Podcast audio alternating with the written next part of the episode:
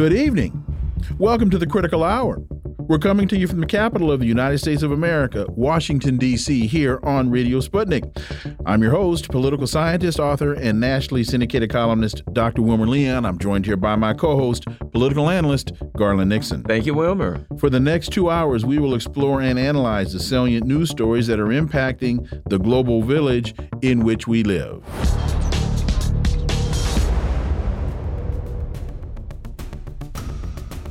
The Washington Post reports North Korea welcomes first post pandemic visitors, China and Russia. North Korea this week opened its borders to visitors for the first time since the pandemic began with a clear message. Pyongyang has friends in Beijing and Moscow, despite the U.S. led efforts to isolate all three. What are we to make of this? And again, this is coming from the Washington Post. For insight, we turn to our first guest. It's Friday, so we'll start the show the way we always do. Our guest is an independent journalist, author, political analyst, and reporter for RT, Caleb Maupin. As always, Caleb, welcome back. Sure. Glad to be here as always. So, the Post reports the message was unequivocal. Russia and China are standing by North Korea despite its nuclear and weapons buildup. It also signaled that after more than three years of strict border closures, North Korea is slowly beginning to crack open its doors.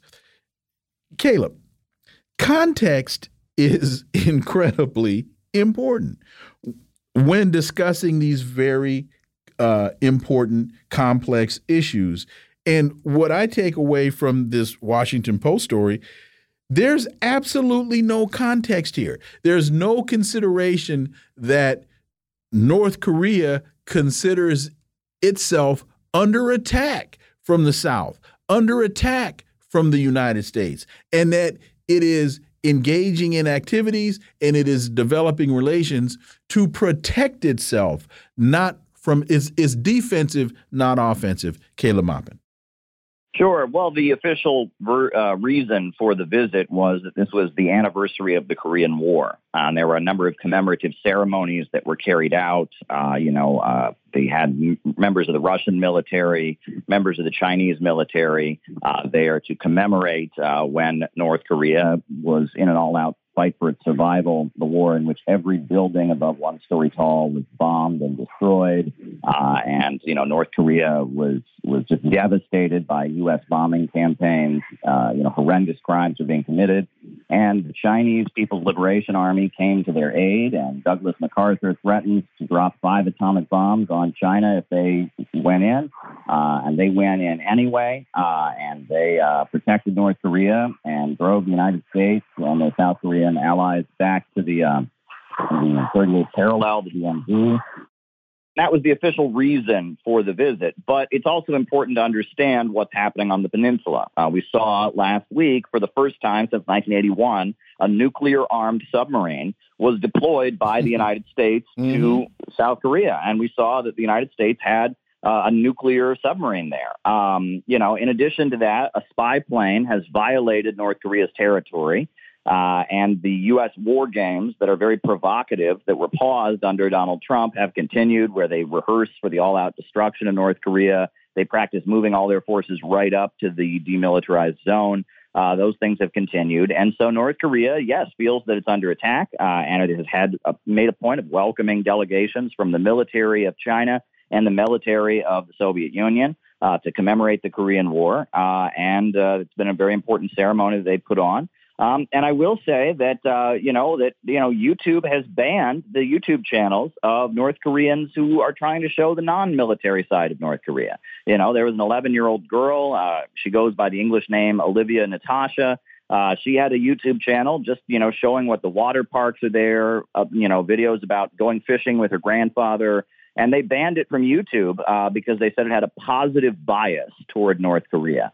Uh, and so it's like, you know, on the one hand, they get mad at North Korea for, for having, you know, military exercises and military commemorations with Russia and China. But then North Korea tries to have, you know, good faith YouTube channels to show what daily life is like in North Korea. They have you know, some kids who live in the capital make some, you know, blogging to show what daily life is like in North Korea. YouTube says, well, you can't have that. It's banned. Uh, you know, now Twitter has allowed uh, these North Korean social media personalities to continue, which I think is interesting. But But YouTube has banned uh, these YouTube channels that would humanize North Korea and try to build a connection between their population and, and civilian life and, and the American people. So the United States seems determined to escalate against North Korea. Uh, the president of South Korea has been escalating his support for Ukraine. Uh, and we saw Biden, you know, who met with uh, the South Korean President Yoon uh, and made a number of provocative statements about destroying North Korea, et cetera. So this is all the United States escalating the situation, and North Korea, you know, testing and firing missiles to show that it's capable of defending itself in such circumstances if necessary. What's interesting, I'm going to give you two uh, sentences from this, what I would say somewhat contradictory sentences from this Washington Post article. Sentence one Pyongyang has friends in Beijing and Moscow despite the U.S. led efforts to isolate all three. So the U.S. puts them in the same category. We got to isolate all of them. Then later on, they go to say, Russia and China are standing by North Korea despite its nuclear weapons buildup. So you are actually aggressively, assertively, militarily encircling with bases, threatening, confronting all three, and then you say, well, geez, this is weird. They're all kind of hanging out together. It's almost like it, it, reminds me of the economic issue where the U.S. works to isolate a bunch of countries, and the all the countries then come together and say, "Well, I guess we better do business in our own currencies." Your thoughts about that, Caleb? Sure. Well, Russia and China have cooperated with the United States in putting sanctions on North Korea in the past because of the fact that North Korea withdrew from the Nuclear Non-Proliferation Treaty. You know, Russia and China feel that the Nuclear Non-Proliferation Treaty is very important, right? It says that basically the countries that have nukes already they can keep them, uh, but countries that don't have them, uh, they uh, that have signed the treaty, they cannot develop a nuclear arsenal. And North Korea did not have nuclear weapons, but then North Korea made this decision to withdraw from the treaty. And Russia and China want the nuclear non-proliferation treaty to remain intact because if if it doesn't remain intact, then the United States, all of its allies, can just start you know getting nuclear weapons, and then at that point, you know, Russia and China would have to you know give all their allies nuclear weapons, and pretty soon, you know, that could get dangerous for the world, right? I mean, we don't want you know nuclear proliferation all across the planet and a, and a new arms race with you know all the aligned countries of both both blocks essentially getting getting armed. But um, but North Korea felt they had to proliferate nuclear weapons, so they withdrew from the Nuclear Non-Proliferation Treaty. So Russia and China, because they want the Nuclear Non-Proliferation Treaty to remain intact, they were kind of compelled to cooperate with the United States against North Korea because they, you know, for that issue. Now, what has happened is that as Russia and China have faced increasing isolation, uh, they've gotten closer to North Korea. And now, you know, North Korea, they're really good at making military hardware. Uh, they make AK 47 rifles. Uh, they make their own computers in house because of sanctions. It's very difficult for them to import computer chips and such. But those mountains are full of minerals, and they've been making their own cell phones and their own computer technology. And that North Korea has a very vibrant economy, and as much as sanctions are in effect to some degree or other, uh, Russia and China they need to trade with somebody. And North Korea is very good at making those weapons, and you know they have a lot of military prowess and military experience. And it looks like Russia and China are getting closer to North Korea as the USA tries to push them off the global stage. So I think you're right in what you what you said there, Garland. This is also intriguing in that they continue in this piece uh, they talk about Shoigu from Russia. His visit was a stark contrast. His visit to North Korea, stark contrast to South Korean President uh, Yoon's visit to Kiev this month, pledging a new batch of military supplies to Ukraine. Quote, the current situation facing Ukraine reminds us of the past situation of the Republic of Korea, Yoon said in a conference with uh, Zelensky, referring to the 1950 North Korean invasion of the South. Well, I would say to to President Yoon, you need to be careful that South Korea doesn't wind up going the way of Ukraine because you could wind up being a proxy as the new as the U.S. continues to conflate its uh, its its aggression towards the North. And then they say, meanwhile, the U.S., South Korea, and Japan are increasing their security cooperation in face of North Korean threats. Well, Caleb, you just clearly articulated that a lot of what North Korea is doing isn't offensive, it's defensive. It's the United States sending the nuclear submarine to the South. It's the United States enhancing its military agreements with Japan. It's the United States engaging in war games and flying spy, spy planes into North Korean airspace. Caleb Maupin. Sure, and and that you know that comparison, the statements and that were made by President Yoon about you know the, the invasion of the South. You have to remember that you know, coming out of the Second World War, there was no North Korea and South Korea. There was one Korea that had been occupied by Japan and had just gotten its independence as Japan was defeated. And there was an understanding that there was going to be a government for all of Korea and that there were going to be elections for all of all of Korea. Uh, that was the understanding. Uh, and then uh, it was made clear uh, by the, the military forces in the South that were aligned with the United States that they would not allow the communists to participate in the elections. Um, and that they, they were not going to allow democratic elections where the Korean Workers' Party was allowed to run. And so when the military took over the government in the southern half of the peninsula and said the communists were not allowed to participate in the elections, at Jeju Island, uh, the people protested because that was a communist stronghold, and they protested for democracy, for the right to run in the election, and they were massacred. And thousands and thousands of people were gunned down and killed for engaging in peaceful protests demanding the right to run in elections. And it was in response to that that the government in the northern half of the Korean Peninsula felt it had to intervene uh, to defend the democratic rights of the people that were all part of the same country. You know, nowadays, yes, we talk about North Korea and South Korea, but back then, and even today, there is one Korea. Um, and so that that that well, the war started when the North invaded the South. I mean, it, it, you know, no, there was an understanding on the part of all Koreans that they would have the right to a unified government in which every political party would be represented. Uh, the South violated that and set up a military dictatorship that then started slaughtering the people who wanted that. And so at that point, the government in the North felt it had to move in and protect its country folk. And it's not even clear that they fired the first shot, right? I mean, there is there is dispute about who fired the first shot, but regardless, that was the issue. So the way Yoon is talking about the war is utterly ridiculous. Antiwar.com reports six House Republicans urge Kamala Harris, uh, someone that you have uh, done great work on. I would uh, recommend those out there to find Caleb's book about Kamala Harris, to meet with Taiwan's vice president. Clearly, another act to provoke China. And, you know, when you think of Kamala Harris, I don't think of her as an independent actor. I think of someone who does, who will go to the people that, that, that she works for and say, should I go? Should I do it? Should I do what I'm told? Uh, what are your thoughts on Kamala Harris? Well, let me add one more thing, Garland. This could very well also be the DNC's attempt to raise the profile of Kamala Harris to give her some more foreign policy bona fides as Joe Biden's position becomes more tenuous. Caleb. Yeah, and I mean, first of all, I mean, just look at the situation here. So we've had Nancy Pelosi visit Taiwan. We've had, you know, Kevin McCarthy has, has met with the, the so-called president of Taiwan. And, you know, they're doing everything they can. And it's almost like they're sitting there going like, how can we provoke China to take military action against Taiwan? What can we do? Oh, well, let's do this. Oh, let's do, they're, they're trying to push it as far as they can.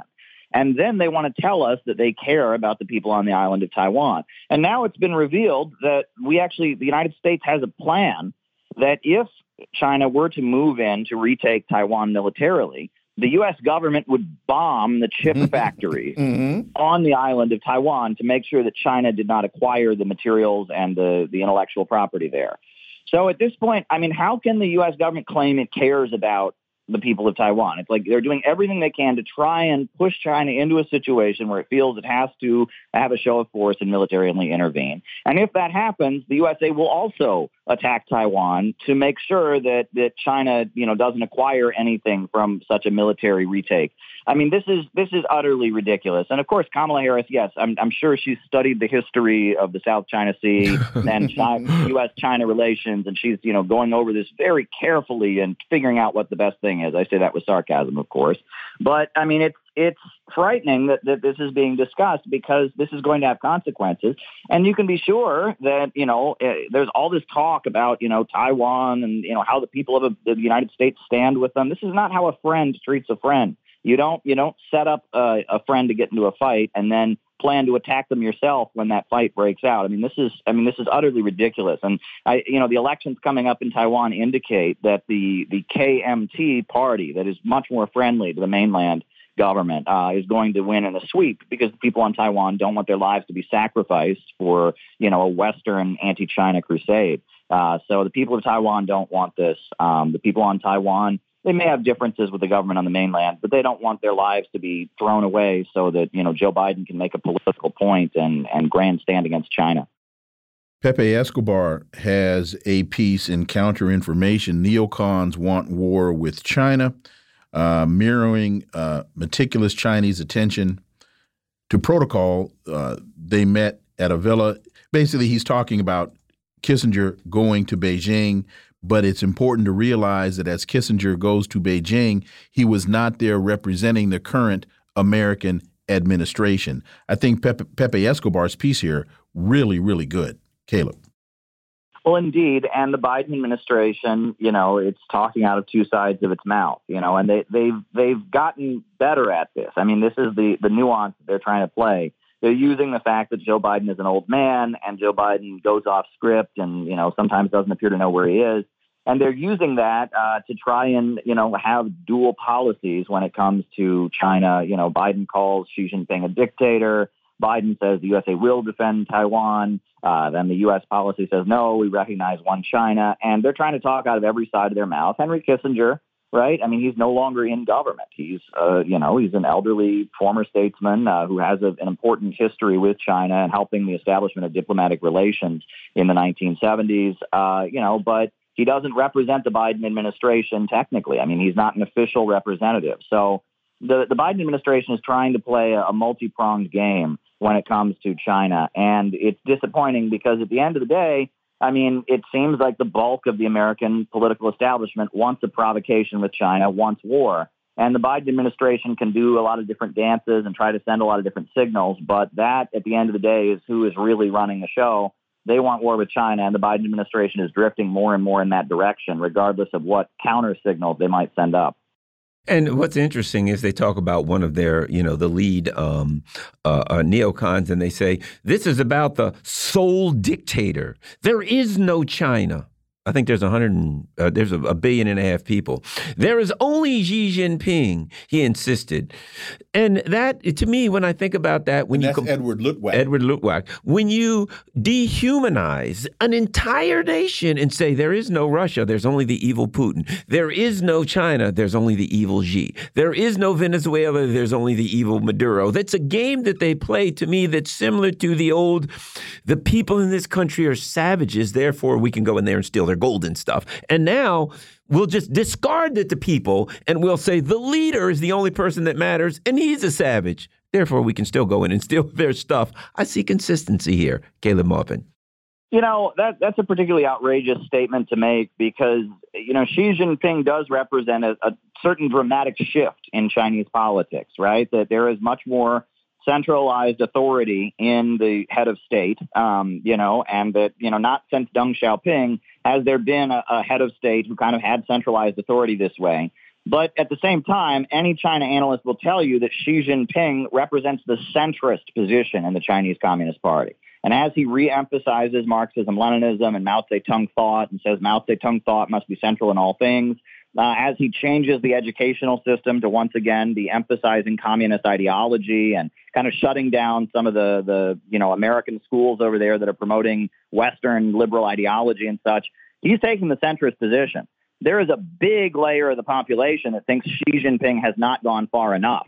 Uh, that really wants to go back to the Mao years and go back to Mao policies. And especially if you go to the countryside in China, where people, you know, their family got land for the first time and got education for the first time and, and got running water and electricity for the first time because of the Chinese Communist Party. Uh, those folks, uh, those folks, uh, they think Xi is not anti-Western enough. Uh, they think that there's too much free market capitalism in China.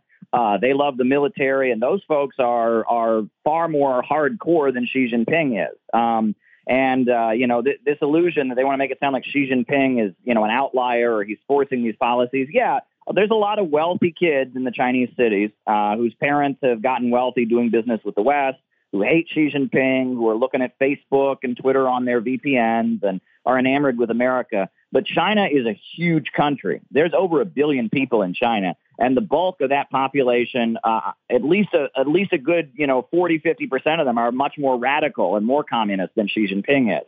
Uh, so that's an important thing to keep in mind. So I mean, th- these statements we're hearing. I, I will say the neoconservatives, a lot of them are what they call Sovietologists.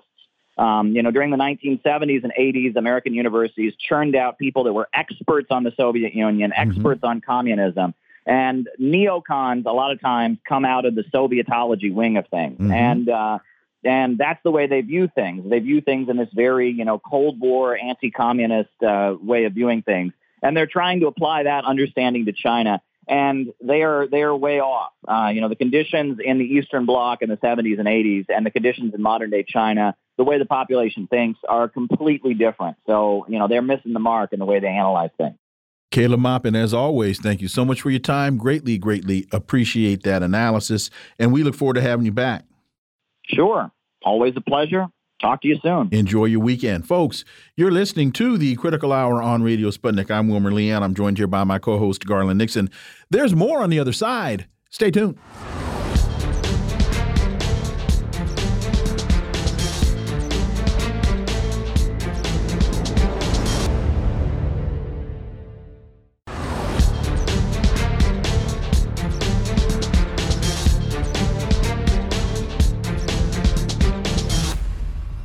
We are back, and you're listening to the Critical Hour on Radio Sputnik. I'm Wilmer Leon, joined here by my co host, Garland Nixon. Thank you, Wilmer. Yesterday, we were having a conversation with our next guest, and he made reference to uh, Russia invading Ukraine. And I asked or made the comment that that was an interesting statement and that we would like to have a, a, a further conversation to kind of clarify or, or hash out those details. And so, with that, our next guest agreed to come back and, and elaborate. So let's turn to him. He's a professor of political science at the University of Rhode Island, specializing in Ukraine and Russia. He's the author of The Tragedy of Ukraine What Classical Greek Tragedy Can Teach Us About Conflict Resolution. Professor Nicolai Petro. As always, welcome back. nice to be with you again. So I'm I'm going to put this in a, in as simple as a context as I can, and I think Garland will agree with me. When someone says invasion, we see that in the context of offensive as opposed to defensive tactic. And we, I think, again, I can speak for Garland, have seen the Russian military intervention into Ukraine as a defensive act that was provoked by the United States through its proxy, Ukraine. When one says Russia invaded Ukraine, the assumption there is, and I'll be kind of silly and simplistic, Vladimir Putin woke up on the 23rd of February and said, you know what? I don't have anything else better to do today. I think I'm going to send my troops in. Your thoughts, Professor Petro? So, this is a an important semantic discussion. Mm -hmm. And unfortunately, the word semantic has become synonymous with trivial, but it's not. It's an important mm-hmm. discussion. Mm -hmm. So let me clarify my thinking on this, which again is very much a, a, a personal opinion. And that's important to, to keep in mind. But a well, we but forward. a well informed personal opinion. Go ahead. It may be, but that doesn't mean it's right. so, I would say uh, I would I would approach this uh, at two different levels. One is how to think about Russian aggression, and I do label what has happened as Russian aggression. First, one needs to establish that an act took place, that that uh, a thing that happened actually happened. Uh, as opposed to something that someone says happened but that didn't happen at all. So, establishing that an act of some kind took place is a process, I think, that can be done to the satisfaction of all parties if they strive to look at the facts objectively. And it is possible I think, to do so. The simplest things are physical phenomenon. Uh, did the sun come up? Yes, no, that sort of thing. The next step is to establish the intent of the act, which is different from saying that it happened. And on this, the intent of the act, why did someone, an individual, do this? This is a process where individuals will almost always disagree because in, in large groups especially because they generally cannot look at the facts from a detached perspective, but instinctively begin to favor one side or another. They, in other words, favor their group, their identity. And there's nothing sinister. This is obviously quite natural. In other words, I am partial to the views around me, the views that people have, the views that that uh, my sources that I trust tell me about and say this is how it should be viewed. And it's very difficult not just to contradict that, but even to detach oneself from your surroundings and say, now, wait a second, I understand that I may be alone here, but I think there's something amiss in this narrative and I want to explore it on my own. That is something that is extremely rare. Uh, and then there's a third step. The third step is judging the intent of the act.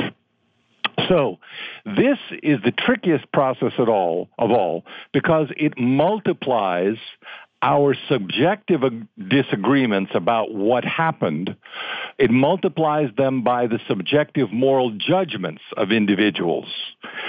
And that, as a result of that, uh, and, and I should be thankful for this, that, that we humans are so complicated, because it is what makes scholarship possible.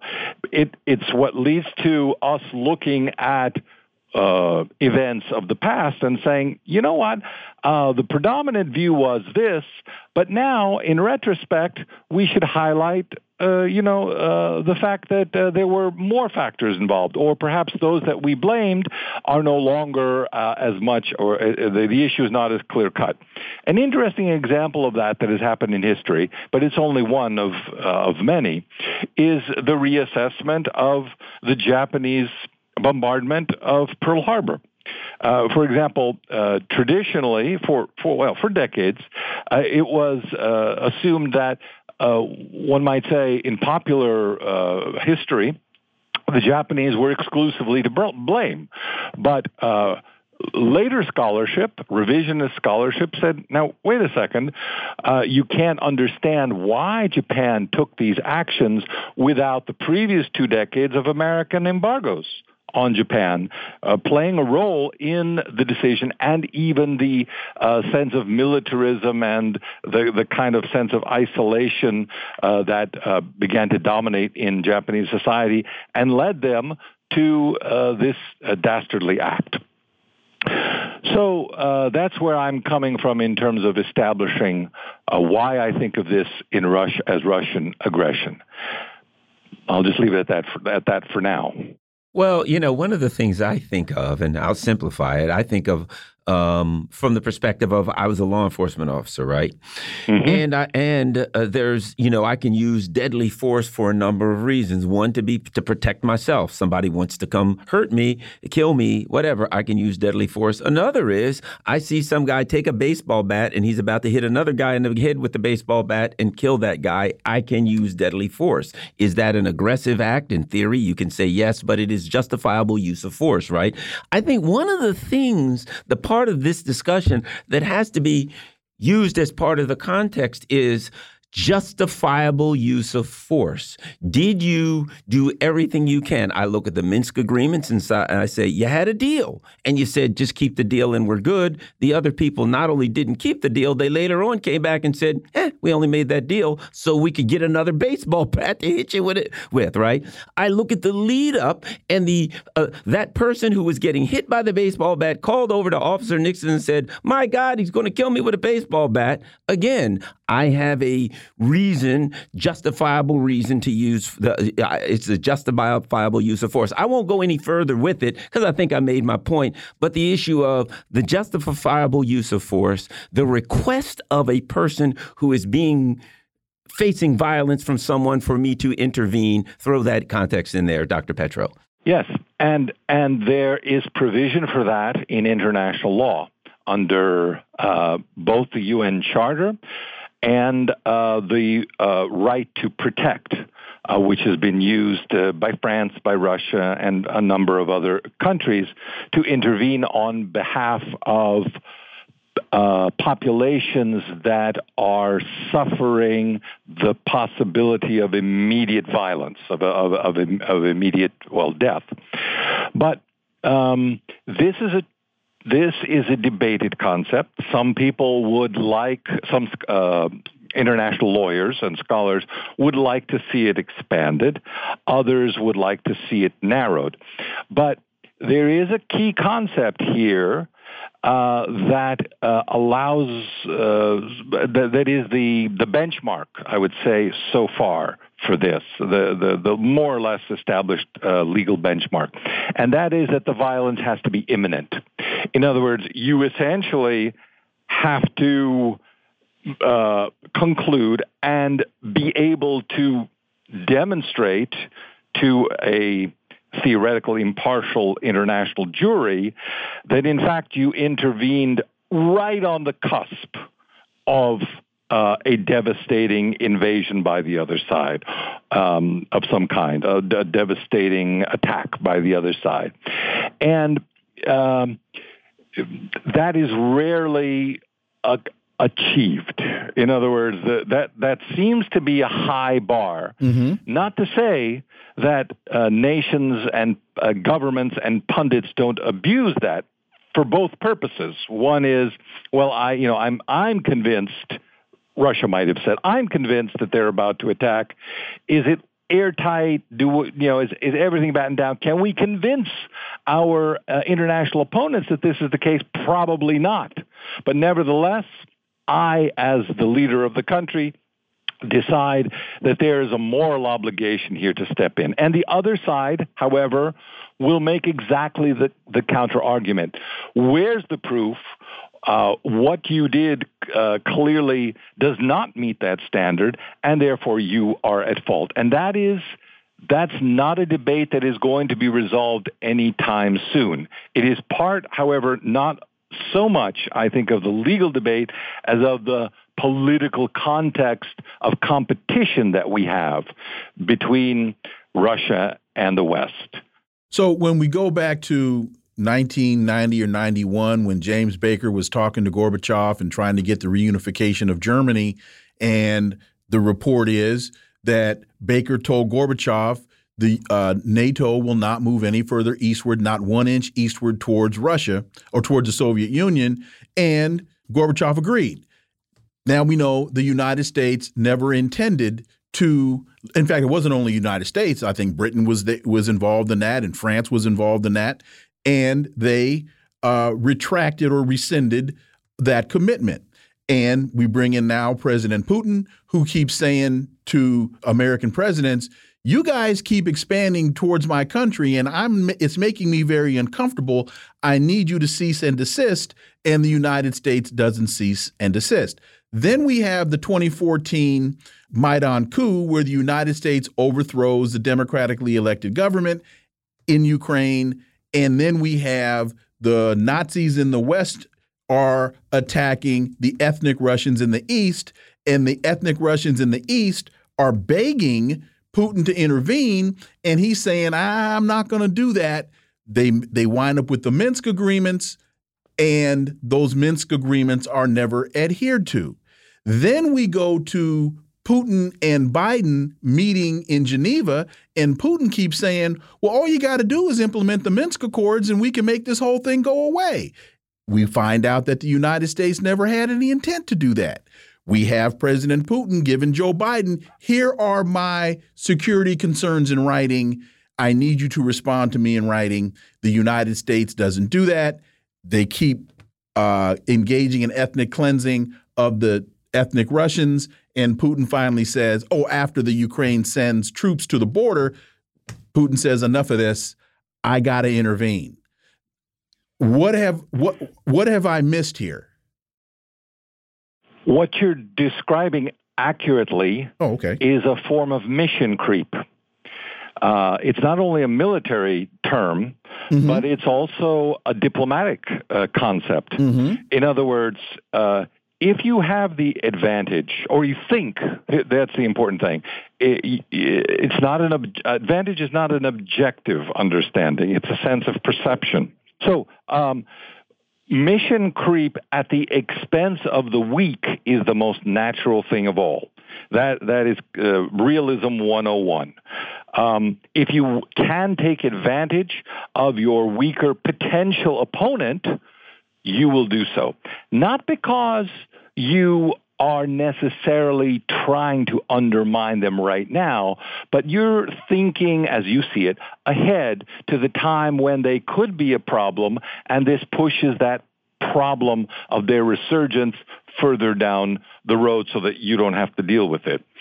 I think um, Hans Dietrich Genscher, the German foreign minister at the time in, the, in 1990, is a good example of this because he said, you know, uh, I uh, supported in in retrospect later on when he resigned he said I supported uh, the deal that was made and and I understood that we would not uh, as NATO expand eastward. Uh, I don't blame the West for doing what it uh, what it thought was in the best interests of Europe as a whole. I agree that it was, Genscher said, in the best interest of Western Europe and of our Eastern European partners. And yet, I also have regrets that we didn't appreciate at the time how much this would undermine our friendship which was just burgeoning, which was just starting at mm-hmm, the time mm-hmm. with Russia. And um, that, uh, you know, he regretted that, but uh, there was no reason to take those concerns into account with a weak foe. And mm. that's the thing uh, one of the reasons we have so much difficulty now uh, and in the past uh, and, and even now listening to Russia is because we still don't take them seriously. seriously. So right. the saber rattling, the nuclear saber rattling that Putin is doing in this concept is literally a wake up call. He is telling the West, don't mm-hmm. go there, mm-hmm. ring, ring, ring, because we're not kidding. And you know what gives some credibility to his argument? I I would think, from a realist perspective, is the fact that he actually did invade. Good point. Which no one, I was going through the literature right. recently, no, no, one, actually thought, thought he, would. would do. And when he did, you can now say, well, wait a second, here's a nuclear power who means what it says. We have to now start listening to them. Hopeful that's the best outcome that I can see of this conflict. Professor Nicolai Petro, thank you so much for your time. We really appreciate your analysis, and we look forward to having you back. Thank you. Folks, you're listening to the Critical Hour on Radio Sputnik. I'm Wilmer Leon. I'm joined here by my co host, Garland Nixon. There's more on the other side. Stay tuned.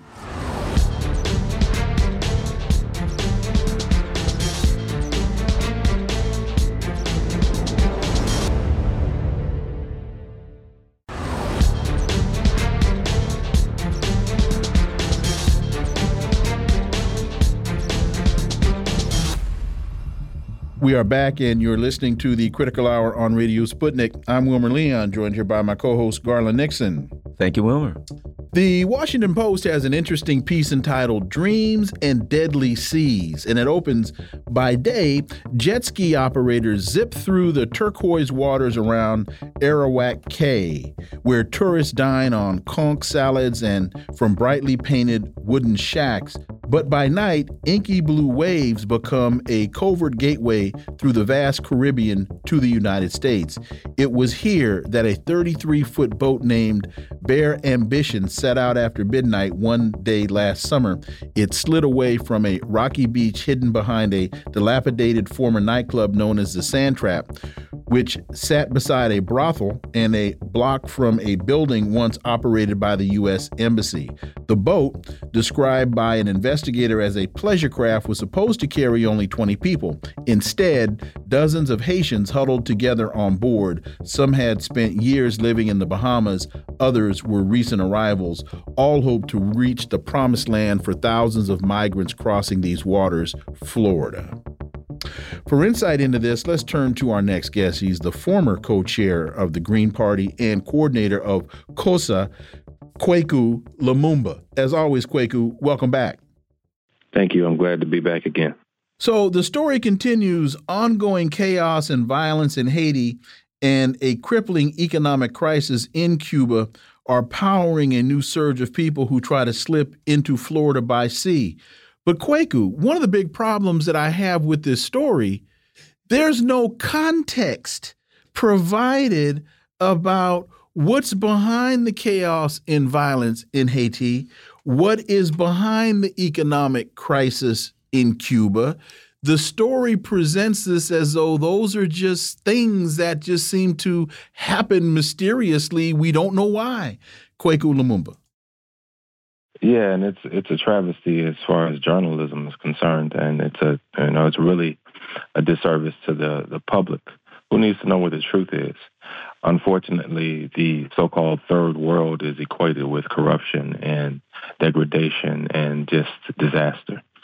When originally and still in reality, it's a sector of human society that has not completely aligned itself with either the so-called first world, um, which the, the capitalist imperialist uh, world considers itself, and the second world, which is that world that's opposed to that capitalist uh, model. And so the old USSR and even the modern Russia um, still falls under that second world uh, milieu, if you will.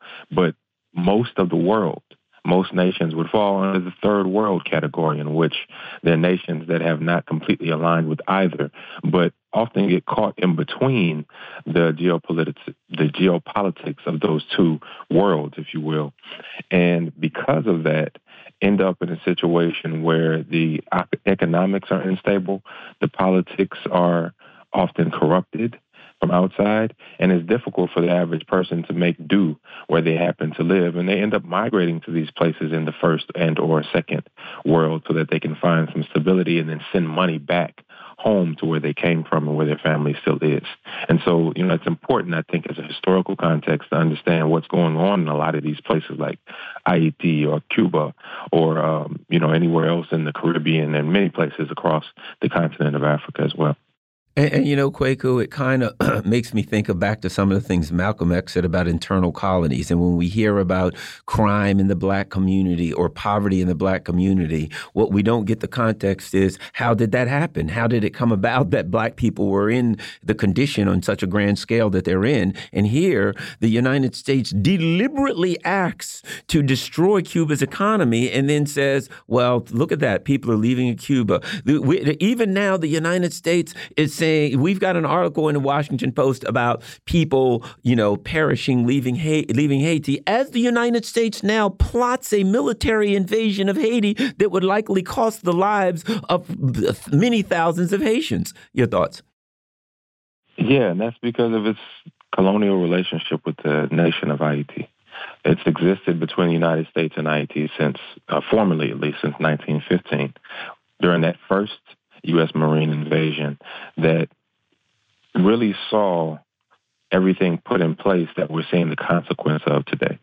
The economic collapse is because the United States controls the economy of Haiti and determines what direction the economy should go. And so prosperity is not in the cards as far as the United States is concerned regarding Haiti because they need this space to be dependent. And that's the same with any nation um, that the United States has this kind of this kind of relationship with. That dependence on the United States is essential, and so they use different terms like economic aid, but they don't mean to be helping the other nation. They mean to control the other nation. And so even when we look at a nation like Haiti and their elections, they can't afford to have elections on their own accord. The United States funds their ability to run their elections. And so when you're in a situation like that, you're not really independent at all. It, it, it, it's just a farce. And we have to deal with that reality. And if we want to change the condition in any nation, like Haiti or anywhere else in the world that has this situation, then we need to change that condition and lead toward true independence and sovereignty in those spaces. This article continues. It talks about the Royal Bahamas Defense Force and how they arrived on this on this scene to find a capsized boat with people sitting on top of it. Uh, they talk about 17 Haitians died in that one particular trip. Then this is an interesting couple of sentences. This island nation the Bahamas, has stepped up patrols to confront a record surge in migration to and from its many shores. Its prime minister has declared the Bahamas is for Bahamians. The country uh, apprehended 3,600 migrants in 2022, more than in the previous three calendar years. This is according to, oh, and so far this year, Bahamian authorities have apprehended 1,700 migrants. 12, almost 1,300 of them are Haitian.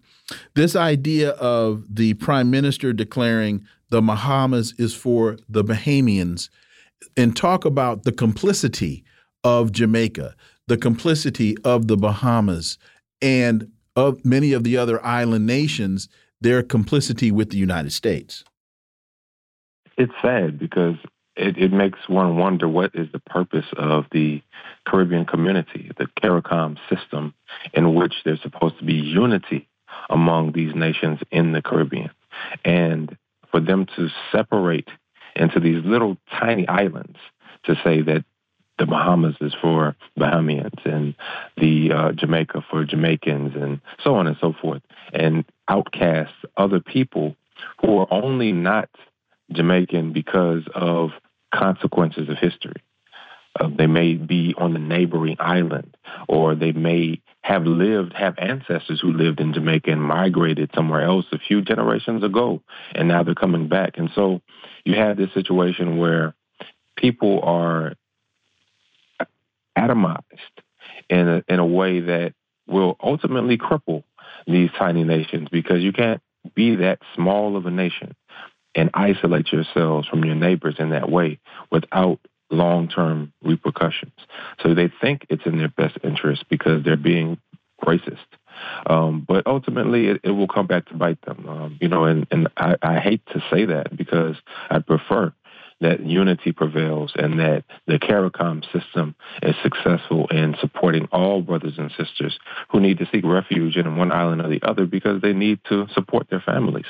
Um, but it's it's not that way because once again, there's still a colonial mindset and relationship to other nations, namely the United States, in, in regard to Caribbean nations, but also to former um, colonizers in Europe as well. You have British and the French influence as well that's very prevalent still in the uh, Caribbean and how people think about who they are and where they should be.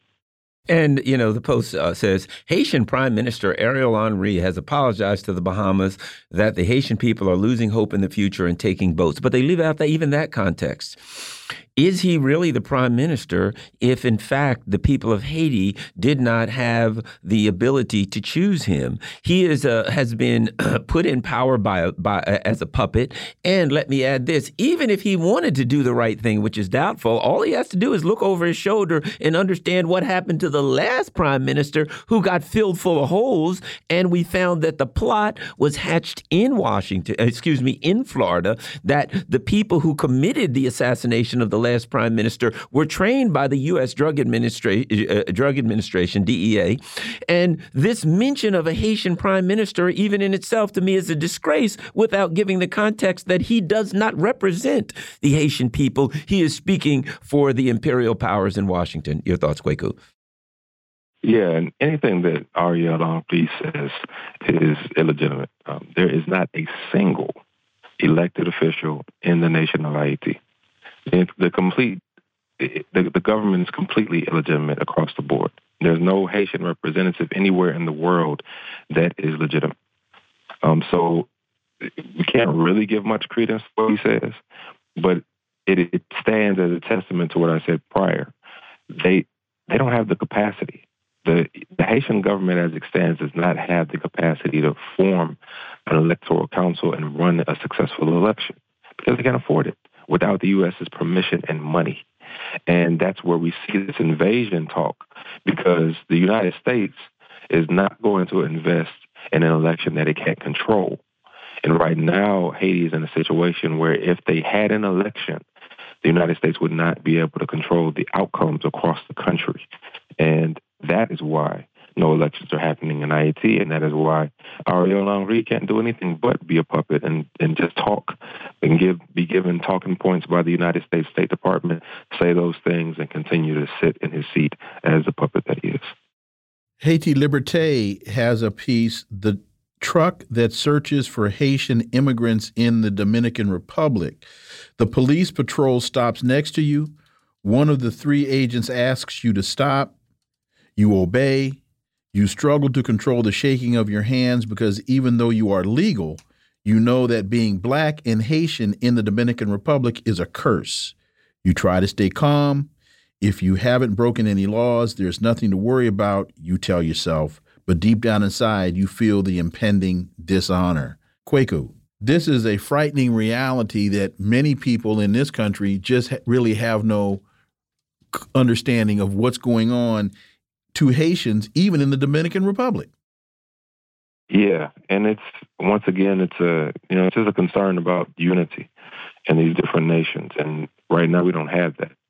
But it's also an issue of well, we've been talking about it since the beginning, human trafficking and what that looks like, the reality of that, and the slavery that is imposed on people in that process, especially when they're captured and stopped along the way to their destination. These are Haitians who are who always lived on the island, and you know people talk about the difference of Dominican Republic and Haiti as if they're in two different hemispheres. Sometimes they're the same landmass, the same island, and so when you talk about going from Haiti to Dominican Republic, you can walk over there. It's easy. It's it's easier than going from Texas to Mexico because there's no fence across the country. It's a border, you know, that's exists politically, but you can easily cross over, and people do oftentimes cross over.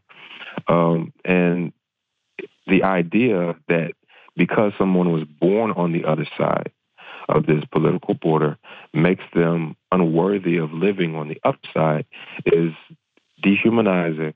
And we see that in the prisons, in these, you know, in these migrant camps, if you will, that these uh, Haitians then are captured and put in these places where they're no longer treated as human beings. They're discarded as, as less than livestock because at least livestock is taken care of and fed and protected. But they're not in these cases, and that, that's something that must be exposed and must be rectified, not only in the Dominican Republic, but even in places like the United States where it happens to um, people who migrate from places like Haiti for asylum because they cannot live safely where they happen to be. Washington Post reports the fight against Islamist insurgents in Africa may have suffered a significant blow Thursday when armies uh, army officers in the West African country of Niger, Niger said they were supporting the leaders of a coup against the president a key ally of the United States and other Western governments. The U.S. has about 800 soldiers in the West African country and operates a drone base there. And it sounds to me like uh, maybe the people of Niger have had enough about the U.S. creating an Islamist terrorist threat and then saying we are the ones that are going to resolve the Islamist terrorist threat. Your thoughts, Kweku? Yeah, that's the that's the height of the contradiction that the United States foreign policy represents. The the idea that we need the United States or its Africa Command program in order to fight Al Qaeda, which was created by the United States. it, it, the history is there, and you know it's all documented, it's all laid out at this point, and so it, it's clear to anyone who cares to look that this is the height of contradiction, and that the resolution to it is to throw off the shackles of this um, imperialist relationship with the United States and its partners in West Africa. In fact, what is also important for people to understand is that they, they talk about uh, Mali and Burkina Faso and violence has worsened.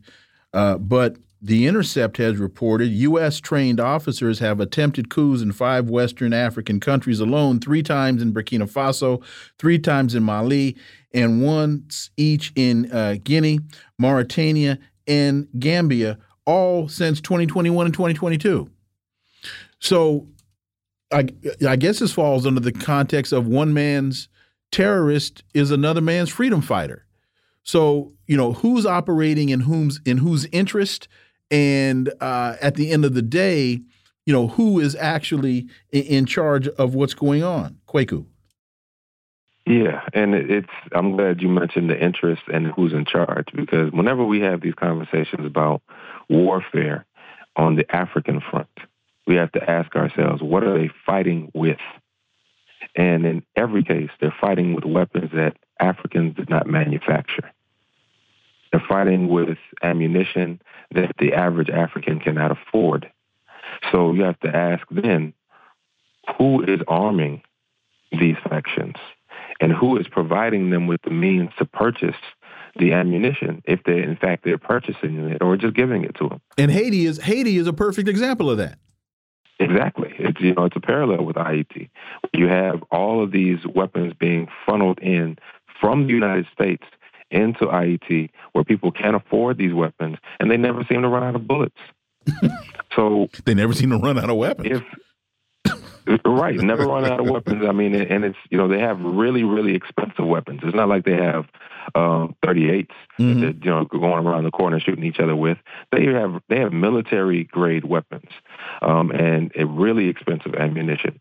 And you know if if instead those resources were food and, and clothing and shelter, then the people receiving the you know those resources would be in better better shape.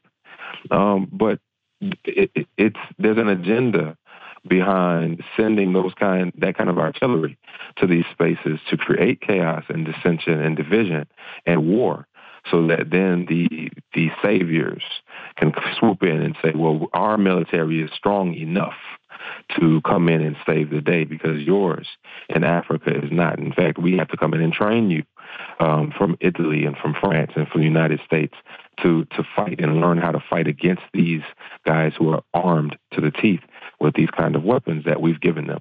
And so, you know, it's it's it's hypocrisy, it's contradiction, um, and it's plain as day that you just have to, you know, wipe your hands clean of these kind of relationships and start anew with um, African relationships first and foremost, where we realize, okay, what is it that we make? What is it that we create? Let's start there. Let's use that so that we can move forward. And then we can start to talk about and negotiate things with um, other partners and other uh, potentially geopolitical um, strategic interests in other parts of the world. Kweku Lumumba, as always, thank you so much for your time. Greatly, greatly appreciate that analysis, and we look forward to having you back. And I look forward to coming back. And always, it's a pleasure to have conversations with you and be invited. Thanks, brother. Folks, you are listening to the Critical Hour on Radio Sputnik. I'm Wilmer Leon. I'm joined here by my co host, Garland Nixon. There's another hour on the other side. Stay tuned.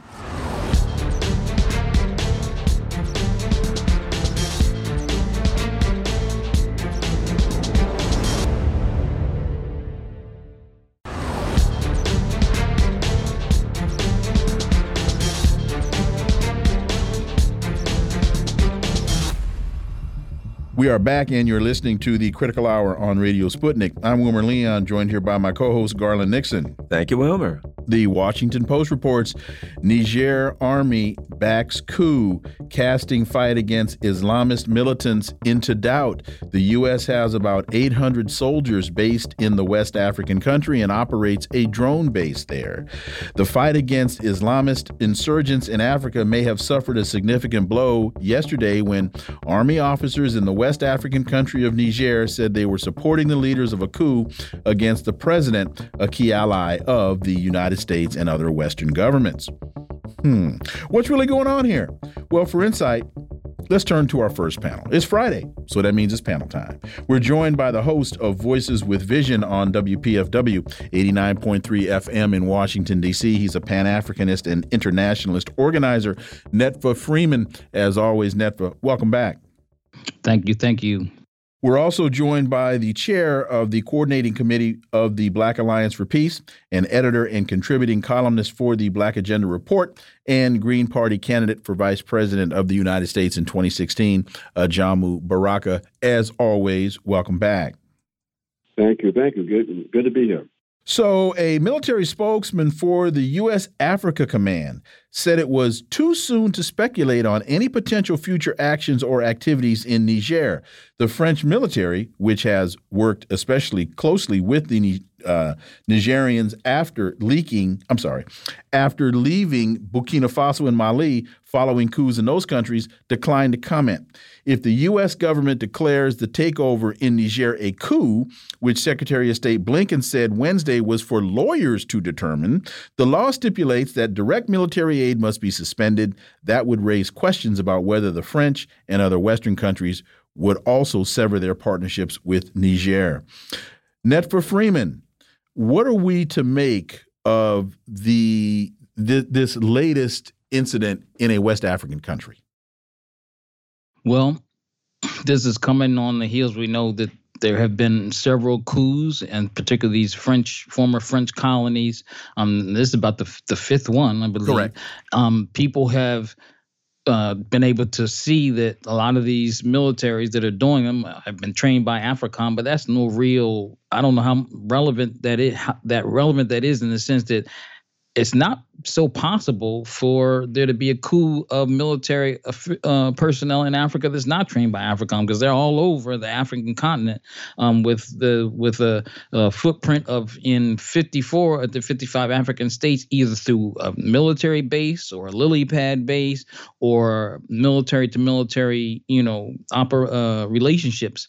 But it is something to, that the U.S. has to worry about in terms of the growing, because there's some serious anti-French sentiment there. Mali just declared France not a swapping out the official languages to for the 13 uh, for 13 indigenous languages there. Um, they've even had in Burkina Faso in the places where they went and the, the people rose up and have burnt uh, you know embassies french embassies and whatnot.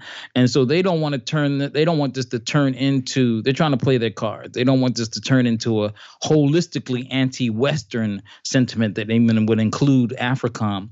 Africom's so firmly entrenched though it's going this is going to be you know this is going to be very hard. I think what like if you look at blinken statements and what they're doing uh, they don't you know they how they do they're trying to secure their their interests. They want to make sure that they're going to have an inroad, a foot in the door, regardless of who ends up in, in power at the end of the day. In Niger, people might remember that um, it was in 2017. 2017, there was U.S. four U.S. Green Berets that were killed and a clash there, and then a lot of people didn't even know that you know that AFRICOM or that the U.S. was in Niger started raising questions, and now since then we've even they've even funded and established one of the most expensive drone bases facilities in Niger, and they're trying to protect this interest. Niger has a lot of uranium, and the uranium there is basically controlled by the French and a French multinational corporation, Orano, I think that's based in, in Paris. So they're trying to secure these things, and then when we start throwing in the mix the the Russia Africa summit um, that's going on, I think they just really they're scrambling. They're scrambling to to uh, to compete for their interest, uh, to safeguard their interest that is a that is a that's been here since the legacies of uh, them replacing Europe as a colonial power. The U.S. is a is a neo-colonial power now, and they're trying to safeguard that. Ajamu, The Intercept reports U.S. trained officers have attempted coups in five West African countries, three times in Burkina Faso, three times in Mali, once in Guinea, Mauritania, and Gambia. And so now this we've seen this in, in Niger. Your thoughts? Mm -hmm. Well, it's an interesting connection between the coups and the U.S. training, but I think that events have suggested that there's no automatic. Um, there's one should not assume Mm-hmm. that because these these soldiers were trained by um, by the U.S. attended U.S. training facilities and, and institutions, uh, and and at one point supported by AFRICOM, that they are doing the bidding of of the U.S. state. Uh, it's been quite clear that what we're seeing is is um, uh, the militaries in these various countries uh, assuming for themselves uh, what they perceive to be uh, the more effective role of, of some of trying to bring about some kind of national reconciliation and national development using the institution of the military, uh, and that these uh, uh, coups have not uh, have not uh, been very favorable to uh, both U.S. and French interests. So it remains to be seen what the politics are there in in, in Niger, as as as Brother uh, Netfa was was alluding to. Um, there's a strong sentiment in the country uh, against the French. Uh, and and wanting to strengthen uh, ties uh, with, for example, Russia. Um, we know that the French are very much concerned about uh, the trajectory of politics there in their former, well, I should, shouldn't really say former colonies, in their neo colonies. And uh, I'm watching very closely how the French are framing this in relationship to the U.S. to see how close the, the collaboration is. Because if the French are concerned about being completely ejected uh, from the African continent, Niger may be that line of demarcation where there's this, this natural interest between themselves and the U.S. as a consequence of the significant investment uh, that the U.S. has made uh, with those military facilities and a key strategic location of Niger as part of their so-called anti-Islamic uh, military adventures on the African continent. So it's a very, very interesting and complicated situation that we're not going to really be able to unpackage, I believe, uh, for another few days. You know, uh, to be frank, you know, but historically and looking at these recent coups in Africa, as soon as I heard there was a coup, I thought, ah, the U.S. is up to no good again. But then a few weeks later, we'd say they're, we'd see they're kicking the U.S. out and they're kicking the French out.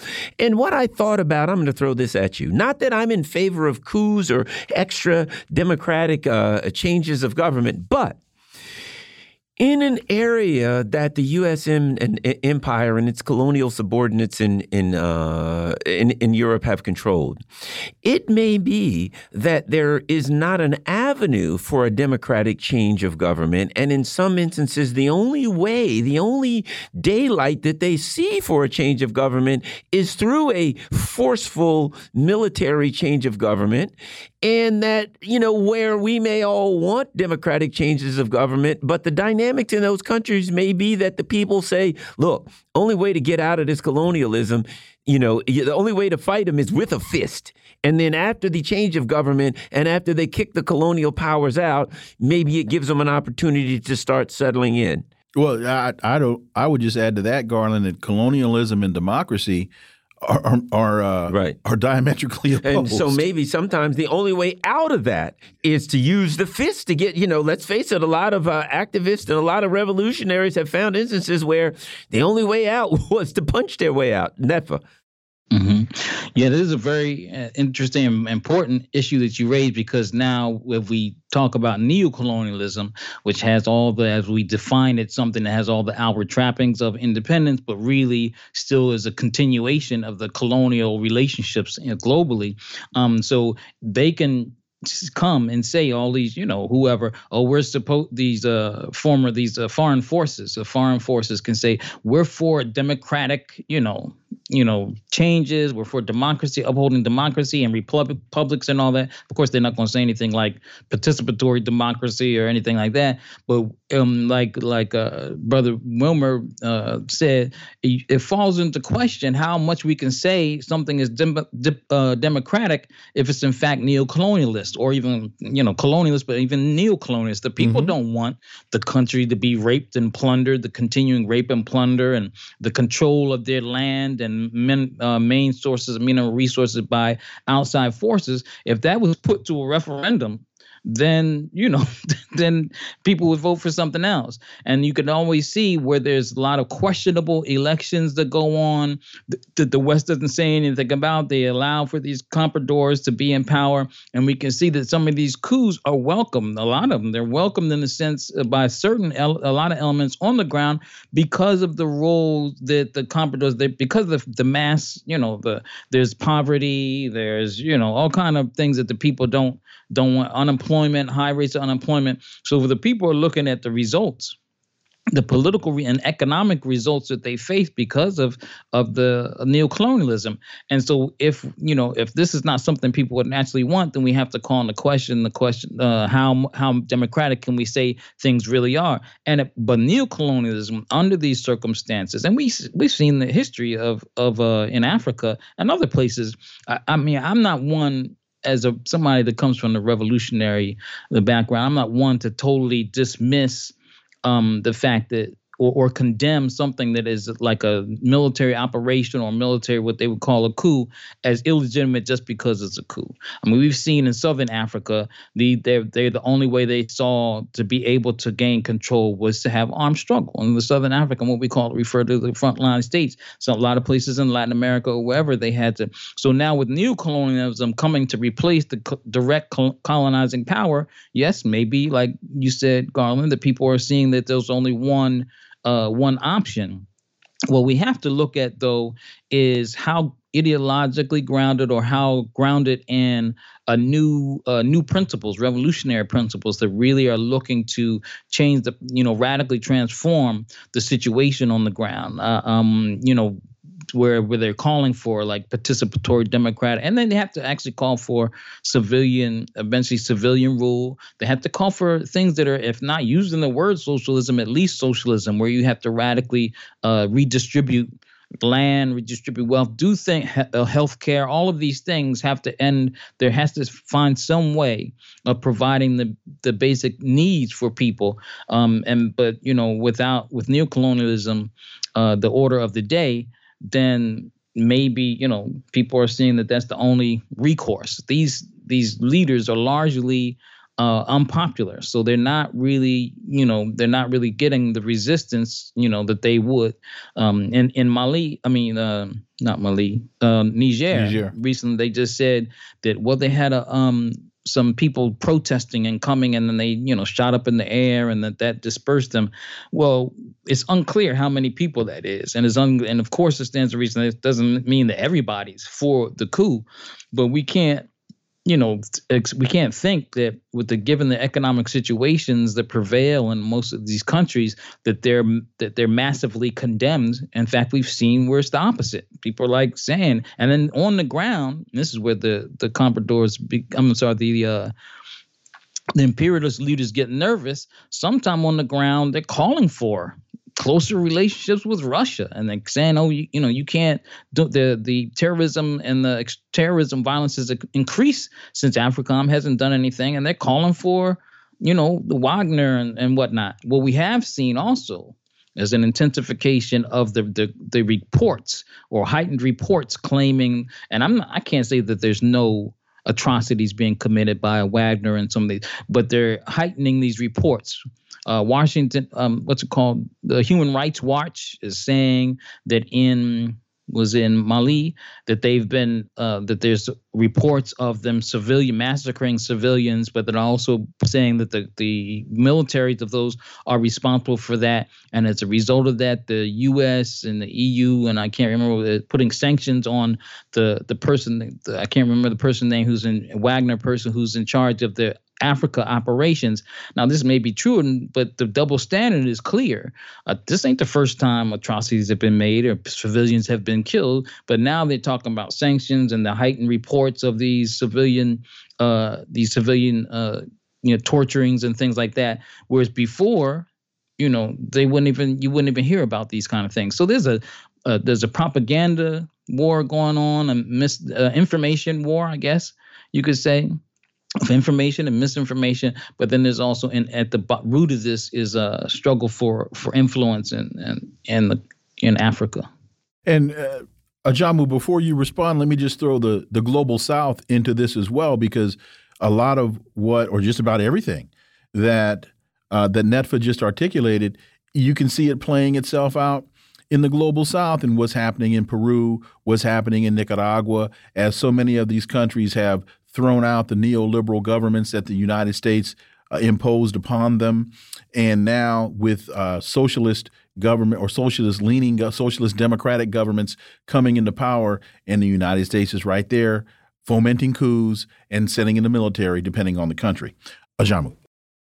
That's why it's so important to to uh, to to examine this and to try to make a determination uh, around what are the social and class forces that are uh, in play uh, in that country. Because you you're absolutely right. There's a major shift taking place globally.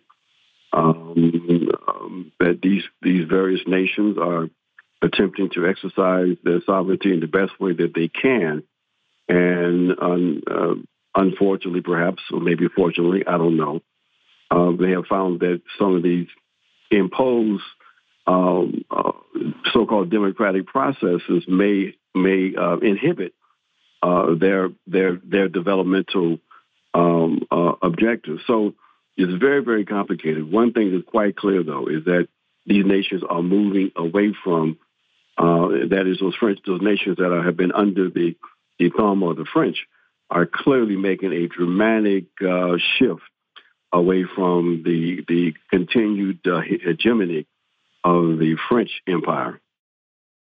Sputnik International reports Russia wrote off $23 billion in debt to African nations. Russia wrote off 23 billion to African nations and will provide around 90 million of debt relief. Um, the Russian Federation right now has a, a big meeting in St. Petersburg. They're having a summit with uh, African nations discussing moving forward, the grain deal, et cetera. Let's get your thoughts on it. Netfa Freeman.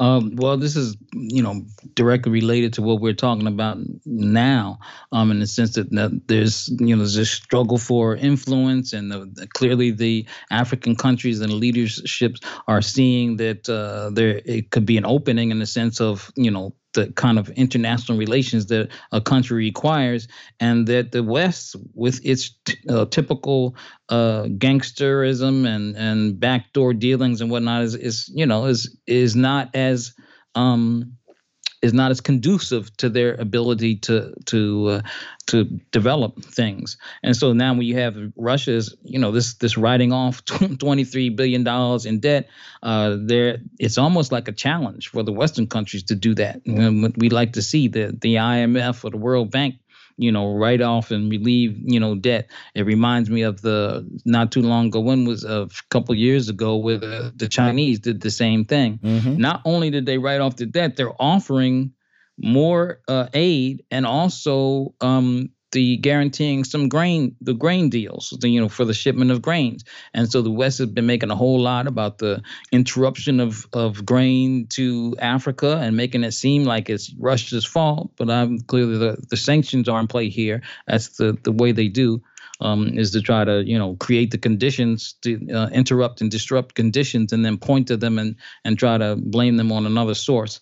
Uh, but these these things are very interesting. Um, and um, yeah, I think that uh, the, one of the things that I'll just end with this that I found very interesting about the summit is in the and at least the the declarations that are being made here. One of the things that I think was uh, it was uh, Putin Putin that said, and this is where you don't hear the West talking about in their summits. They talk about uh, helping Africa, one, a colonialism being, and the legacies of colonialism being the cause of Africa's continued problems, whereas U.S. and them don't talk about that. And when they meet with African leaders, they don't talk about. And they mention uh, things about helping Africa with self-sufficiency and self-determination. You know, you don't hear Western governments when they meet with Africans with this what this recent December U.S. Africa Leaders Summit. They ain't talk about no self-sufficiency or anything like that. Uh, so this is very interesting. I, you know, and and again, uh, the difference could be said that they don't have the same legacy of colonialism, and that the difference. Uh, that yeah, they just don't have the same legacy of colonial, and it's not um, it's not they don't impose will And so people can argue, oh, they're out for their own interest. Well, it doesn't matter. You know, we whether you're out for your own interest or not, as long as you're not going to impose it on us, then that that's a better that's a better uh, terrain to to work with. And Ajamu, before you respond, following on to what Netfa just articulated, the the motto of the summit is for peace, security, and development. That's the motto of the summit. And so when you look at Russia is forgiving debt, when you look at Russia providing sustenance, as in free grain, it sounds to me, or it looks to me as though they're not only talking about it, they're being about it which is and and and that language is also consistent with a lot of the things that President Xi Jinping talks about. So they're not only talking about it because you've you've got Joe Biden at his summit for some of the Americas, he's talking about sovereignty and supporting democracy and letting the voices of the people be heard. But there were some countries that they didn't invite to the summit. And then you go into Peru and they're trying to foment a coup in Peru, and you go to Bolivia, and they're trying to foment a coup in Bolivia, and th they're still trying to steal gold from Venezuela. So there's a difference between the rhetoric and the reality. Ajamu. You're absolutely right, and that's the that's the concern that these various African leaders have. That they've they believe that it is in their national interest to be to have the space uh, to be able to put their national interests first, and that get caught up in the geostrategic struggles that the U.S. Uh, is involved in. One of the things that in the lead up to the summit, and one of the things that have come out of this summit too, is um, that uh, many of these states understood that the U.S is more concerned with the activities of the Russians and the Chinese on the African continent than really being being uh, authentic in their um, their offers of of cooperation with African states.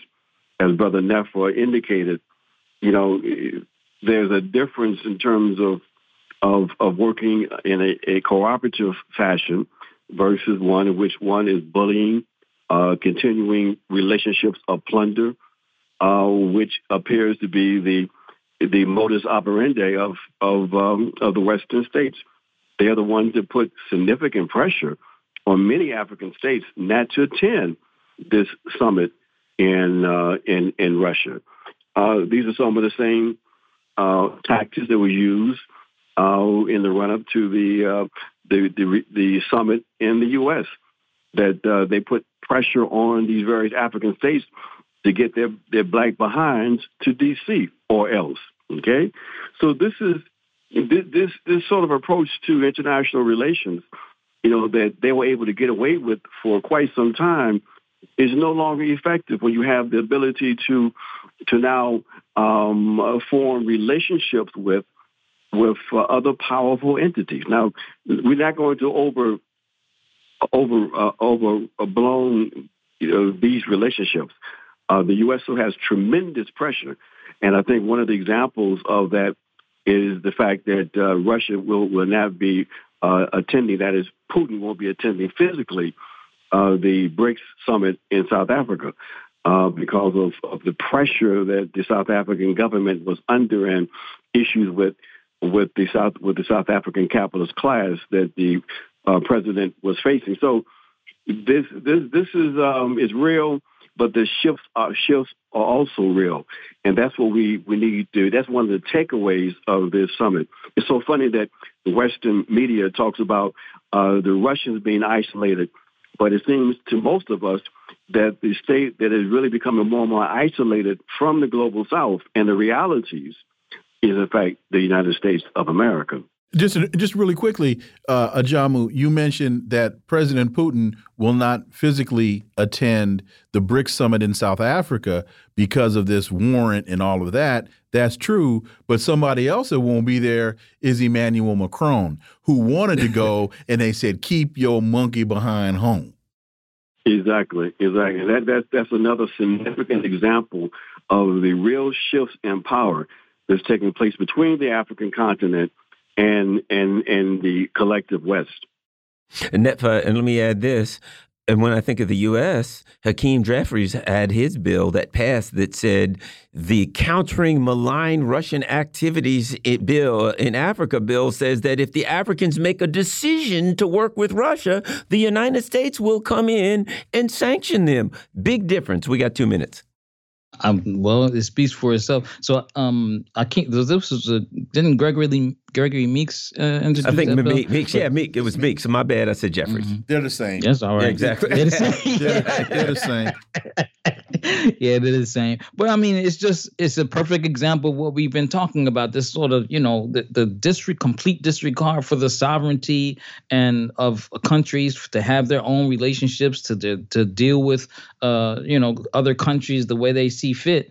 It, and really a desperation, like Ajamu talked about. I mean, they're they're in a desperate measure because they know that the U.S. is being isolated. They know that their investments and uh, and whatnot and of, of exploiting the countries in Africa are in jeopardy.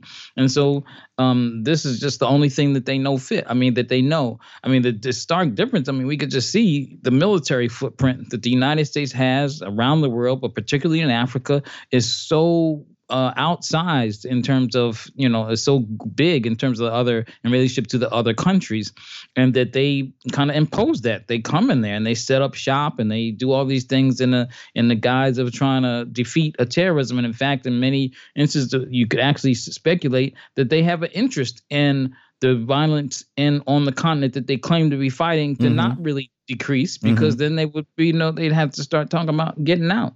Um, and so you know this is Mhm. interesting that we have these compradors like like Meeks and Jeffries that will you know carry the water for imperialism while we're, our people are suffering domestically and internationally.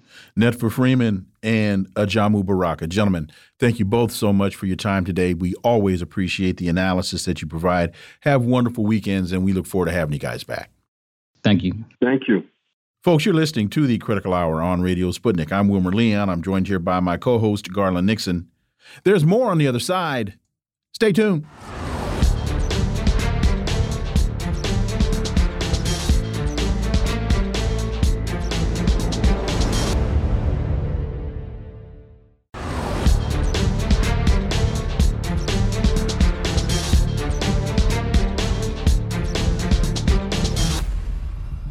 We are back, and you're listening to the Critical Hour on Radio Sputnik. I'm Wilmer Leon, joined here by my co host, Garland Nixon. Thank you, Wilmer. Hunter Biden enters not guilty plea after deal falls apart. A plea agreement between federal prosecutors and Hunter Biden fell apart Wednesday after the judge refused to sign off on a deal that would have seen the president's son enter guilty pleas to two misdemeanor tax charges and enter a diversion program in lieu of pleading guilty to a felony gun possession count.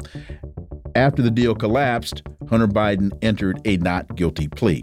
This while, it is reported, Hunter Biden put then Vice President Father Joe on speakerphone for overseas business meetings. Devon Archer is to testify to this before Congress next week.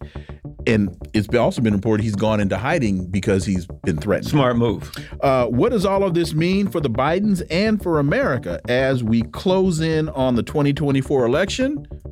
Oh, and if that's not enough, Donald Trump may face four indictments by Election Day. A new indictment was filed today in connection with the ongoing prosecution by Special Counsel Jack Smith of Trump and a top aide, adding charges against the former president for his handling of classified documents after he left the White House.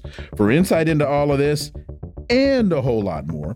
Let's turn to our second panel. We're joined by the national organizer for Action for Assange, Steve Poikonen. As always, Steve, welcome back. Thank you very much. Great to be here, fellas. We're also joined by an independent journalist whose work can be found at Substack and thepolemicist.net, Dr. Jim Kavanagh. As always, Jim, welcome back. Thank you for having me. So, Hunter Biden's former business partner, Devon Archer, is allegedly set to testify before Congress about his experiences witnessing Hunter Biden dialing his father, then Vice President Biden, into meetings with overseas business partners. Uh, let's start with you, Dr. Jim Kavanagh. The things that I laid out in my open, it's been an incredibly busy week on the American political landscape. Yeah, Hunter Biden is a real problem for Joe, and this whole thing is unraveling. The business with the plea deal was incredible. I mean, it, it, it, correct me with, if I'm wrong, but first of all, Biden's lawyers the night before the, the, the court presentation called up the court posing as the opposition lawyers and asking the court, saying that they wanted certain documents taken out of the record. This is unbelievable.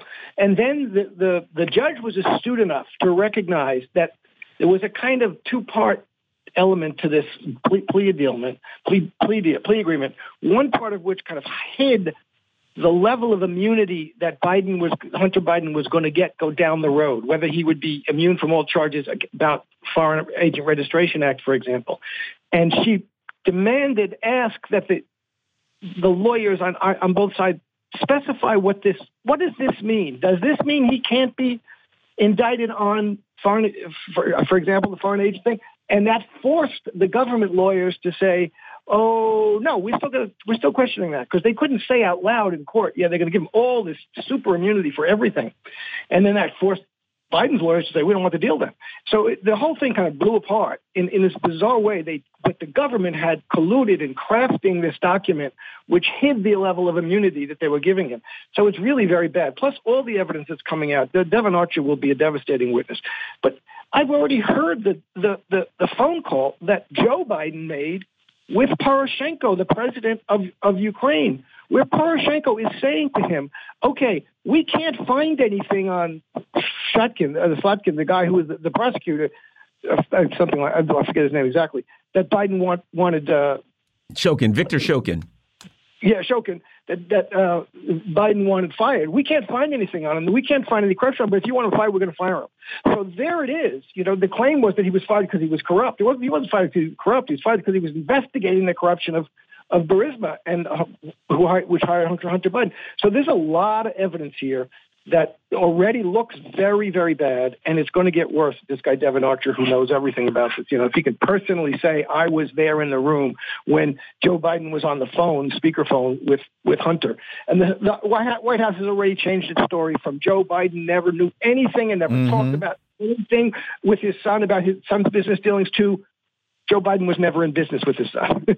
Joe Biden is not the Democratic nominee. If I may, if I may add, that's something in in in, in the legal uh, community they refer to as a creeping admission. yeah, and right. every time I wasn't there, but we've got evidence you were there. Okay, if I was there, I didn't shoot the guy. We got we got evidence that you shot the guy. Okay, if I shot the guy, it was self defense. a creeping admission from Joe Biden. And let me just give because a lot of people may not be aware of the point you made about the phone call. CNN reports judge threatens to sanction Hunter Biden's lawyer after legal dispute with with GOP lawyer. Hunter Biden's legal team denied Tuesday night that they lied to court officials to get filings from a senior Republican lawmaker removed from the public docket, blaming the dispute on an unintentional miscommunication on the eve of their client's plea hearings. I just wanted to throw that out there. Uh, Steve Poikonen, uh, your thoughts, sir? I mean, this is uh, it's par for the course with the Bidens and, and, the criminal crime family that they appear to be operating. But this really is, you know, dime store novel type stuff. I mean, this is like you know, 1950s, 1960s pulp fiction type, you know, the legal thriller stuff. it, it is, it, it should be parody, and people should be furious about this because we have what appears to be uh, a a bribery, pay for play, on a level extortion, leveraging political power for favors, all of the things that everyone who runs for office says they're going to try and get rid of, all of the things that everybody complains about in terms of every aspect of society, it's staring them right in the face. And half the country is trying to pretend like it's not even happening. It, it's insane to me.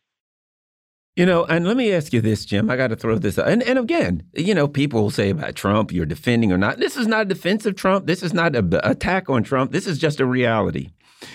The John Durham investigation found that the they found Durham, which I got a lot to push back against that investigation, but he found that the investigation was started against Donald Trump for the whole RussiaGate stuff without a legitimate predicate, predicate, which implies that there was an illegitimate predicate, which I wonder why he never tried to figure that out. But he also found that the FBI continually anything they found against Donald Trump, they looked into it. They ran through every time they ran a, saw a stop sign that said you got nothing. They continued to look into it. They literally violated the law in going after Donald Trump, and anything they got against the Clinton team, they let go. Okay, that's a little bit of a context. Now we see them doing everything they can to turn their back on an obvious Biden scandal, and every other day it's They've looked further. They've got Donald Trump. It's mopery on the high seas. We don't even know what that is, but whatever it is, it's something they could charge Trump with. It's problematic and the people that support Trump ain't going to be happy, and they have a valid reason to say this is unfair. On one side, you do everything you can to get this guy. On the other side, you do everything you can to let this guy, the FBI, the entire system, to let this guy go. Jim, your thoughts? Well, exactly. Look, I don't like Donald Trump, and I'm this is infuriating. The, the, the disconnect and the disparity between the treatment of Trump, both in the legal uh, courts and the legal realm, and also in the media realm. As you say, everything that anybody could dream up against Trump, from the P tape to you know uh, what was the bank he was supposed to have a secret bank, you know, bank records or something, Alfa Bank. You know, all of this stuff was was baloney, it was nonsense. But they, it was headline news every day. The walls are closing in. And Joe Biden, all this stuff is coming out, and they treat it as you say. We, we can't even talk about. It. We're going to talk about that. You know, and look, Joe, uh, Donald Trump was impeached for asking the president of Ukraine to look into the uh, corruption of Biden, of Hunter Biden and Burisma, et cetera. He was impeached for that. Now you have the evidence coming out that's irrefutable that Hunter Biden was there was corruption with at least Hunter Biden and Burisma, and likely with Joe Biden and Burisma. Lots of evidence coming out. Nobody even talks about. It. So if you're the Democrats and the media, their allied media, seem to be intent on sh- being so blatant about how, how, unfair they are and how disproportionate they are and how di- different they're going to treat X versus Y, Republican versus Democrat, that you know it just increases the level of anger and frustration and partisan blue red tribalism in the country that's bad and dangerous. Steve, The Hill reports, among other sources, RFK Jr. says DHS denied request for Secret Service protection. Democratic presidential candidate Robert Kennedy Jr. said today that the Department of Homeland Security denied his request for Secret Service since the assassination of my father in 68. Candidates for president are provided Secret Service protection, but not for me. Uh, Kennedy said on the X platform, which was previously known as Twitter. And this, I believe, this this turn down of the request is being attributed, I think, to the Biden administration. Your thoughts, and I know you said you are of two minds of this, Steve Poikonen. I am because I have questions and because I was under the impression the Secret Service wasn't attached to candidates until 120 days prior to the election.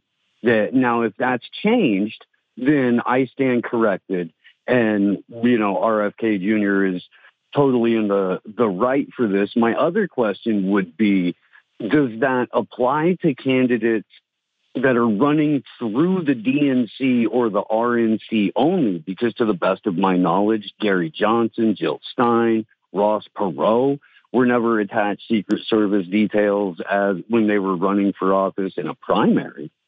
Um, so I have questions about that. And if it, you know if the the answers aren't satisfactory, then it kind of looks like a hey, feel sorry for me and ignore the fact that I just sat on camera for an hour with an absolute just vile human being in, in Shmuley Boteach or Boteach, whatever his name is, uh, where where he more or less defended Zionism as if he was Herzl himself. it, it looks like it could be a little bait and switch if uh, those qualifications to the Secret Service uh, apply as I, I, think they do, but I'm not 100% on that. So that's why I'm of two minds about it. Because if it's an administration based decision, has nothing to do with the loyalty pledge running in the DNC, or it's not 120 days from the election, then it looks like Joe Biden's trying to get him killed. And that's terrible. And the answer to the question is 120 days. Major presidential and vice presidential candidates and their spouses uh, within 120 days of a general presidential election receive Secret Service protection. But that doesn't mean that it can't be provided earlier than that if requested. And I was just uh, uh, looking, getting ready to look up when did Senator Obama receive Secret Service protection because he was, the threats, yeah. most threatened presidential candidate in the history of the country. And it's also important to, to also realize that at this stage of the game, Robert Kennedy Jr. has not even re, uh, uh, won the nomination. But to his point, I think based on the history of his family, that's not an odd request, Jim Kavanagh. No, I think you said it well. Yeah, I, I, I was agreeing with Steve going into this. I didn't know the criteria. It seemed to me this is a little early, and I, I don't see how it, I wouldn't be in favor, frankly, myself, of providing providing Secret Service to anybody whose class they're running for president this, this early in the game. So uh, there are criteria for uh, for for getting Secret Service protection that he hasn't met.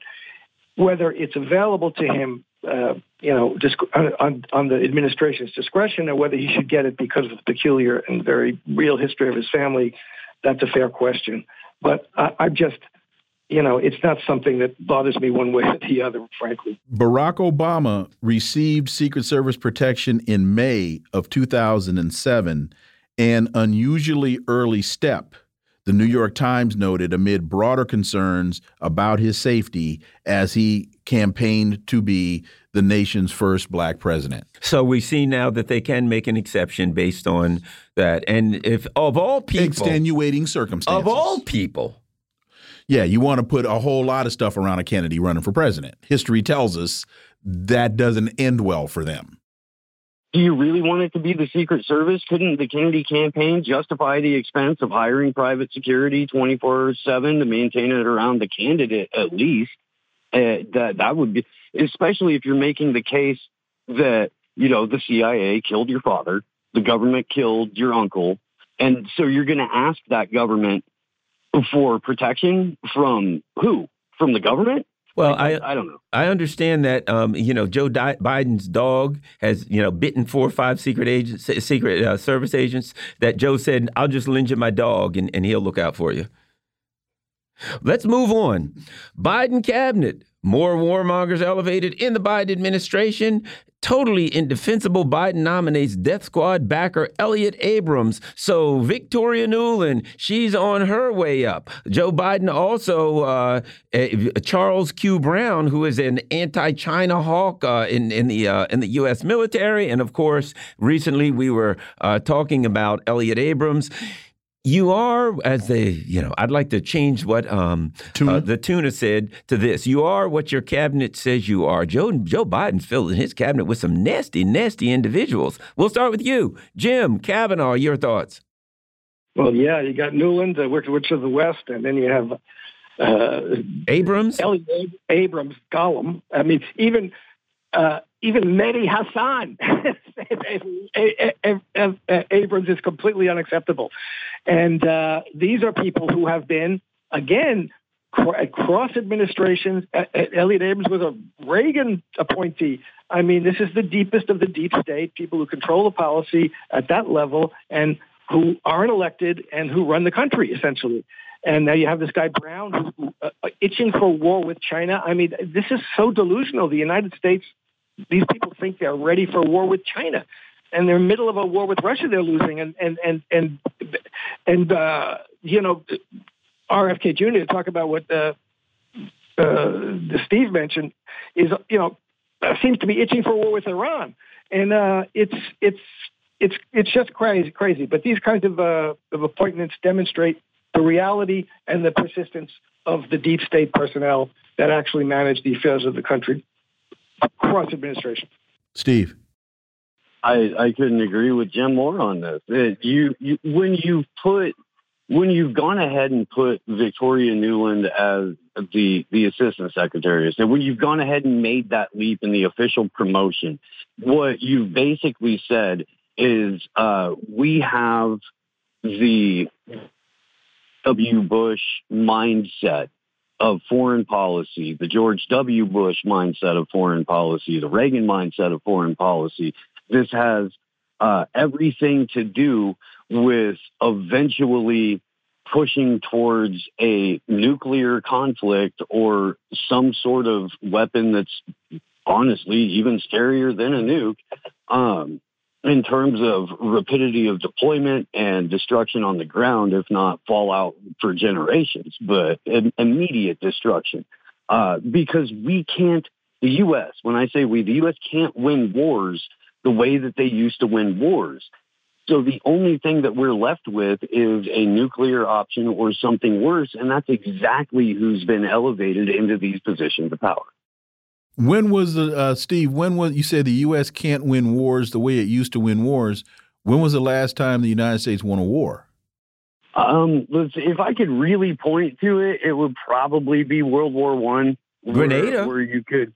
Uh, well, yes, but according to the books, Grenada wasn't an official war. Oh, okay. police action, right? Right. Okay. just a training exercise that got a little out of hand. I was just I was just bringing up that rhetorical question so that people would would realize it's been a really long time since the United States won anything. Um, Consortium News has a piece, Glimpses of an Endgame in Ukraine. And uh, this is by M.K. Bhadrakumar. And it is one thing that Russia knows it is de facto fighting NATO in Ukraine. It is an entirely different matter that the war may dramatically escalate to war with Poland, according to MK Bhadrakumar. And uh, Jim Kavanagh, Dr. Jim Kavanagh, I think that this is a phenomenal piece. Uh, Bhadrakumar puts this whole thing in incredible context. Your thoughts, Jim Kavanagh? Yeah, he's been a, a stellar analyst of this throughout. And this is a really important piece because what it demonstrates is, first, because this was a meeting that, that two meetings that, that two, two speeches that Putin gave, one with Lukashenko that were clearly staged so that he could say these things. And he claimed to be working on behalf, on behalf uh, out of cl- classified and for declassification of intelligence information about what he knew what was being planned in the West. And I think it is part of what's being planned. They're looking to get Poland engaged in this. Poland is the best military power that they have at this point. Uh, they're going to try and insert some kind of Polish or Polish or Lithuanian troops into Western Ukraine at some point. They're going to try and do it under the cover of a, of a ceasefire as peacekeepers. Uh, but since the Russians probably aren't going to bite that ceasefire bait, they'll try and do it in some other way, maybe. And this is Putin and Lukashenko warning that they won't stand for this. Putin is saying, you know, uh, well, Putin said actually something a little different. He said if if if Poland, if Ukraine wants to give up some of its territory in Western Ukraine to Poland, then they can do that. He doesn't really care. But then Lukashenko said, no, no, no, I care, and we won't let that happen. so, but but Putin, what Putin, they're both saying is we're not going to let the West West put military forces in there to impede our objectives in in, uh, in Ukraine, and it's it's a very dangerous possibility. It is out there this is the way they think. They think they can figure out some way of keeping this game going and keeping a military hand in Ukraine, even if Russia defeats Ukraine on the battlefield in eastern Ukraine. They'll keep it. They'll, they'll, they'll prop up the regime with military forces in the west, and it's a disaster. It's not going to work. It's not the end game. It's the beginning of the, a new World War game. Yeah, the the the Poles appear to be more than happy to be the battering ram that NATO uses to go ahead and prolong uh, the, this war. Um, according to the article, according to some other stats that I read, there's about 120,000 regularly, like trained up and ready to go members uh, of the Polish regular military, and uh, a handful of new recruits.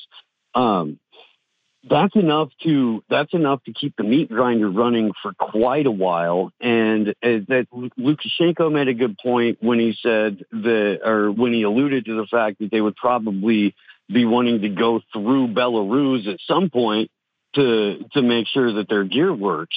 And then Putin follows up by saying, "Well, that's an attack on a union state, an attack on the Russian Federation." So it, it looks like uh, if you don't immediately go nuclear, you can definitely prolong a con- conflict for a very long time by sending Poland's, uh, you know, generation or generation and a half of young men through the the meat grinder in Ukraine and what a hundred years to demine Ukraine. Yeah, we'll go ahead and put 120,000 poles on the ground for that. They'll go ahead and knock a couple of years off of that project, but it's still going to take several decades. Caitlin Johnstone writes The Empire knows it's pouring Ukrainian blood into an unwinnable proxy war. Now, we could get into that in depth, but we know the deal here, and that is these people are expendable. In fact, Putin says it. He says these people are expendables. I tend to believe they're not sending U.S., they're not sending U.K., they're not sending French, they're not sending German, they're not sending any of those people to the border to die. They will use up the people that they see as cordwood to be burned, and that's the Slavic peoples. That's the, the, the truth of this. At, at any rate, your thoughts about this and the actual evil of simply saying, eh, you know what, let's throw these people into the trash compactor until we run out of them. Jim. Yeah, well, she quotes one guy, uh, uh, I guess it's Max Abrahms, is saying precisely that. This has been great for us because this is, you know, stressing Russia, and we haven't had to use any Americans in this, and no Americans have died in this. Now, of course, let's be clear that there are Americans who died. There are American pers- military personnel, active duty military personnel on the ground in Ukraine, and some of them have died, but very few, and it's it's at a level that can be hidden. Uh, and uh, but th- this demonstrates that the purpose of this war for the United States was not to freedom and democracy in Ukraine, of which there's none. The purpose of this war was to stress Russia, to try and just try and defeat Russia outright with economic sanctions, to try and overthrow Putin with these sanctions from hell. And the, the crazy thing here is it's not working. They know it's not working, and still they think it's going to work. you know, there's some way they can figure out to actually get this thing to work. You know, Russia has become stronger militarily, economically. They've reoriented their whole economy to create what a, a kind of military industrial complex that didn't exist at the beginning of the war, so they're not going to be defeated militarily. And th- there's no prospect of this. But the, as Steve says, you know, they'll bring, they'll turn the, from Ukrainian cannon, cannon fodder to Polish cannon fodder to keep this pressure on Russia going. And Russia is going to have to decide how they're going to put an end to this, or whether they can put an end to it, or whether they want to put an end to it. But it's very, very dangerous. Steve. I mean, he's Jim's correct, and where it looks like Russia is headed uh, is as a potential co-leader of the new BRICS world order. Uh, there doesn't seem to be any slowing down uh, of that particular machinery. Russia seems to be doing very well in terms of international agreements and applicants for BRICS. And Russia just went live with their uh, their digital ruble. Um, so they're marching forward into the future, as Jim noted, like in an infrastructure built entirely without the U.S.'s uh, help, assistance, or, or willingness for it to exist in the first place. So if they run out of people from Poland, I guess they'll find people in another part of a former East Bloc country that doesn't really like Russia that much anymore, and they can continue to do that until uh, there's more countries that have become a part of BRICS than there are even in, in the UN. because that's the way that it's headed right now. Uh, and as we've discussed for quite a while, the U.S. seems to have one goal in this whole entire thing, and that's if we can't move the money laundry, we're going to blow up everything. And they've placed the neocon goons in charge to do it. They've placed the rapture ready clowns that think the only way that they can get to uh, the next life is by forming a blood pact with Israel in the right spots to do that. Uh, and so we're we're barreling towards some some fairly uncertain times. We, we've got three minutes left, and uh, and Jim, we we we we interviewed uh, Professor Nicolai Petro earlier in the in the show, and he made the point that the United States didn't believe that both basically thought that Putin was bluffing. And they and I think you can also attribute that to Xi Jinping, and so I, I equate this to to the to the first Ali Frazier fight, where the United States thinks it's Ali, and then they can go into the ring and it can't be defeated. And and Ali told Frazier in the ring, "Don't you know I'm God?" And Frazier told Ali, "Well, God's gonna get his hind parts whooped tonight." And and we know that fight ended. Uh, we've got just about two minutes left. Jim Kavanagh. Well, that's exactly right. They really do have a delusional sense of the omnipotence of the United States and of the weakness of their so-called adversaries. They, as I love to say, they're partying like it's 1999. They think we're the hyperpower. They think Russia and China are some of these kind of semi-backward countries who, you know, have yet to reach, uh, attain this uh, a status which can contest us. And that's where they go into this with. And they went into that with Russia very clearly. They thought Russia was going to collapse from the uh, sanctions from hell. They thought they were going to get China to help them calm Russia down. All this was nonsense. But they, I, what's amazing to me is that they still seem to believe this. Even they're, oh, okay, we're not getting what we want from this from this offensive, but we'll figure out a way of you know, some kind of bluff or, or bluster or five dimensional chess that'll trick Russia into giving us what we actually want them to do, and, or China into. And it's just at this point, this is nonsense. But they haven't gotten this. They haven't registered the fact that they have been taken down a peg, and that people and countries aren't afraid of them the way they were. They know they can blow up the world. That's mm-hmm. true. They know they can get hurt, but they also know they can fight back and they will they will remain standing. Russia and China aren't going anywhere. And if the United States wants a war, a full-on war, they're going to get they're the ones who are going to end up more destroyed than Russia or China. And this is what the American neocons just don't get yet. They still think they're on top of the world, the masters of the universe. Steve Poikonen and Dr. Jim Kavanagh, gentlemen, Thank you both so much for your time. Greatly, greatly appreciate that analysis. Enjoy your weekends. And as always, we look forward to having you guys back. Thank you very much. Thank you. Folks, you've been listening to the Critical Hour here on Radio Sputnik. Thank you for allowing our voices into your space. On behalf of myself and my co host, Garland Nixon, we hope you were informed and enlightened. And we look forward to talking with you all right here next week on Radio Sputnik. Be safe. Peace and blessings. We're out.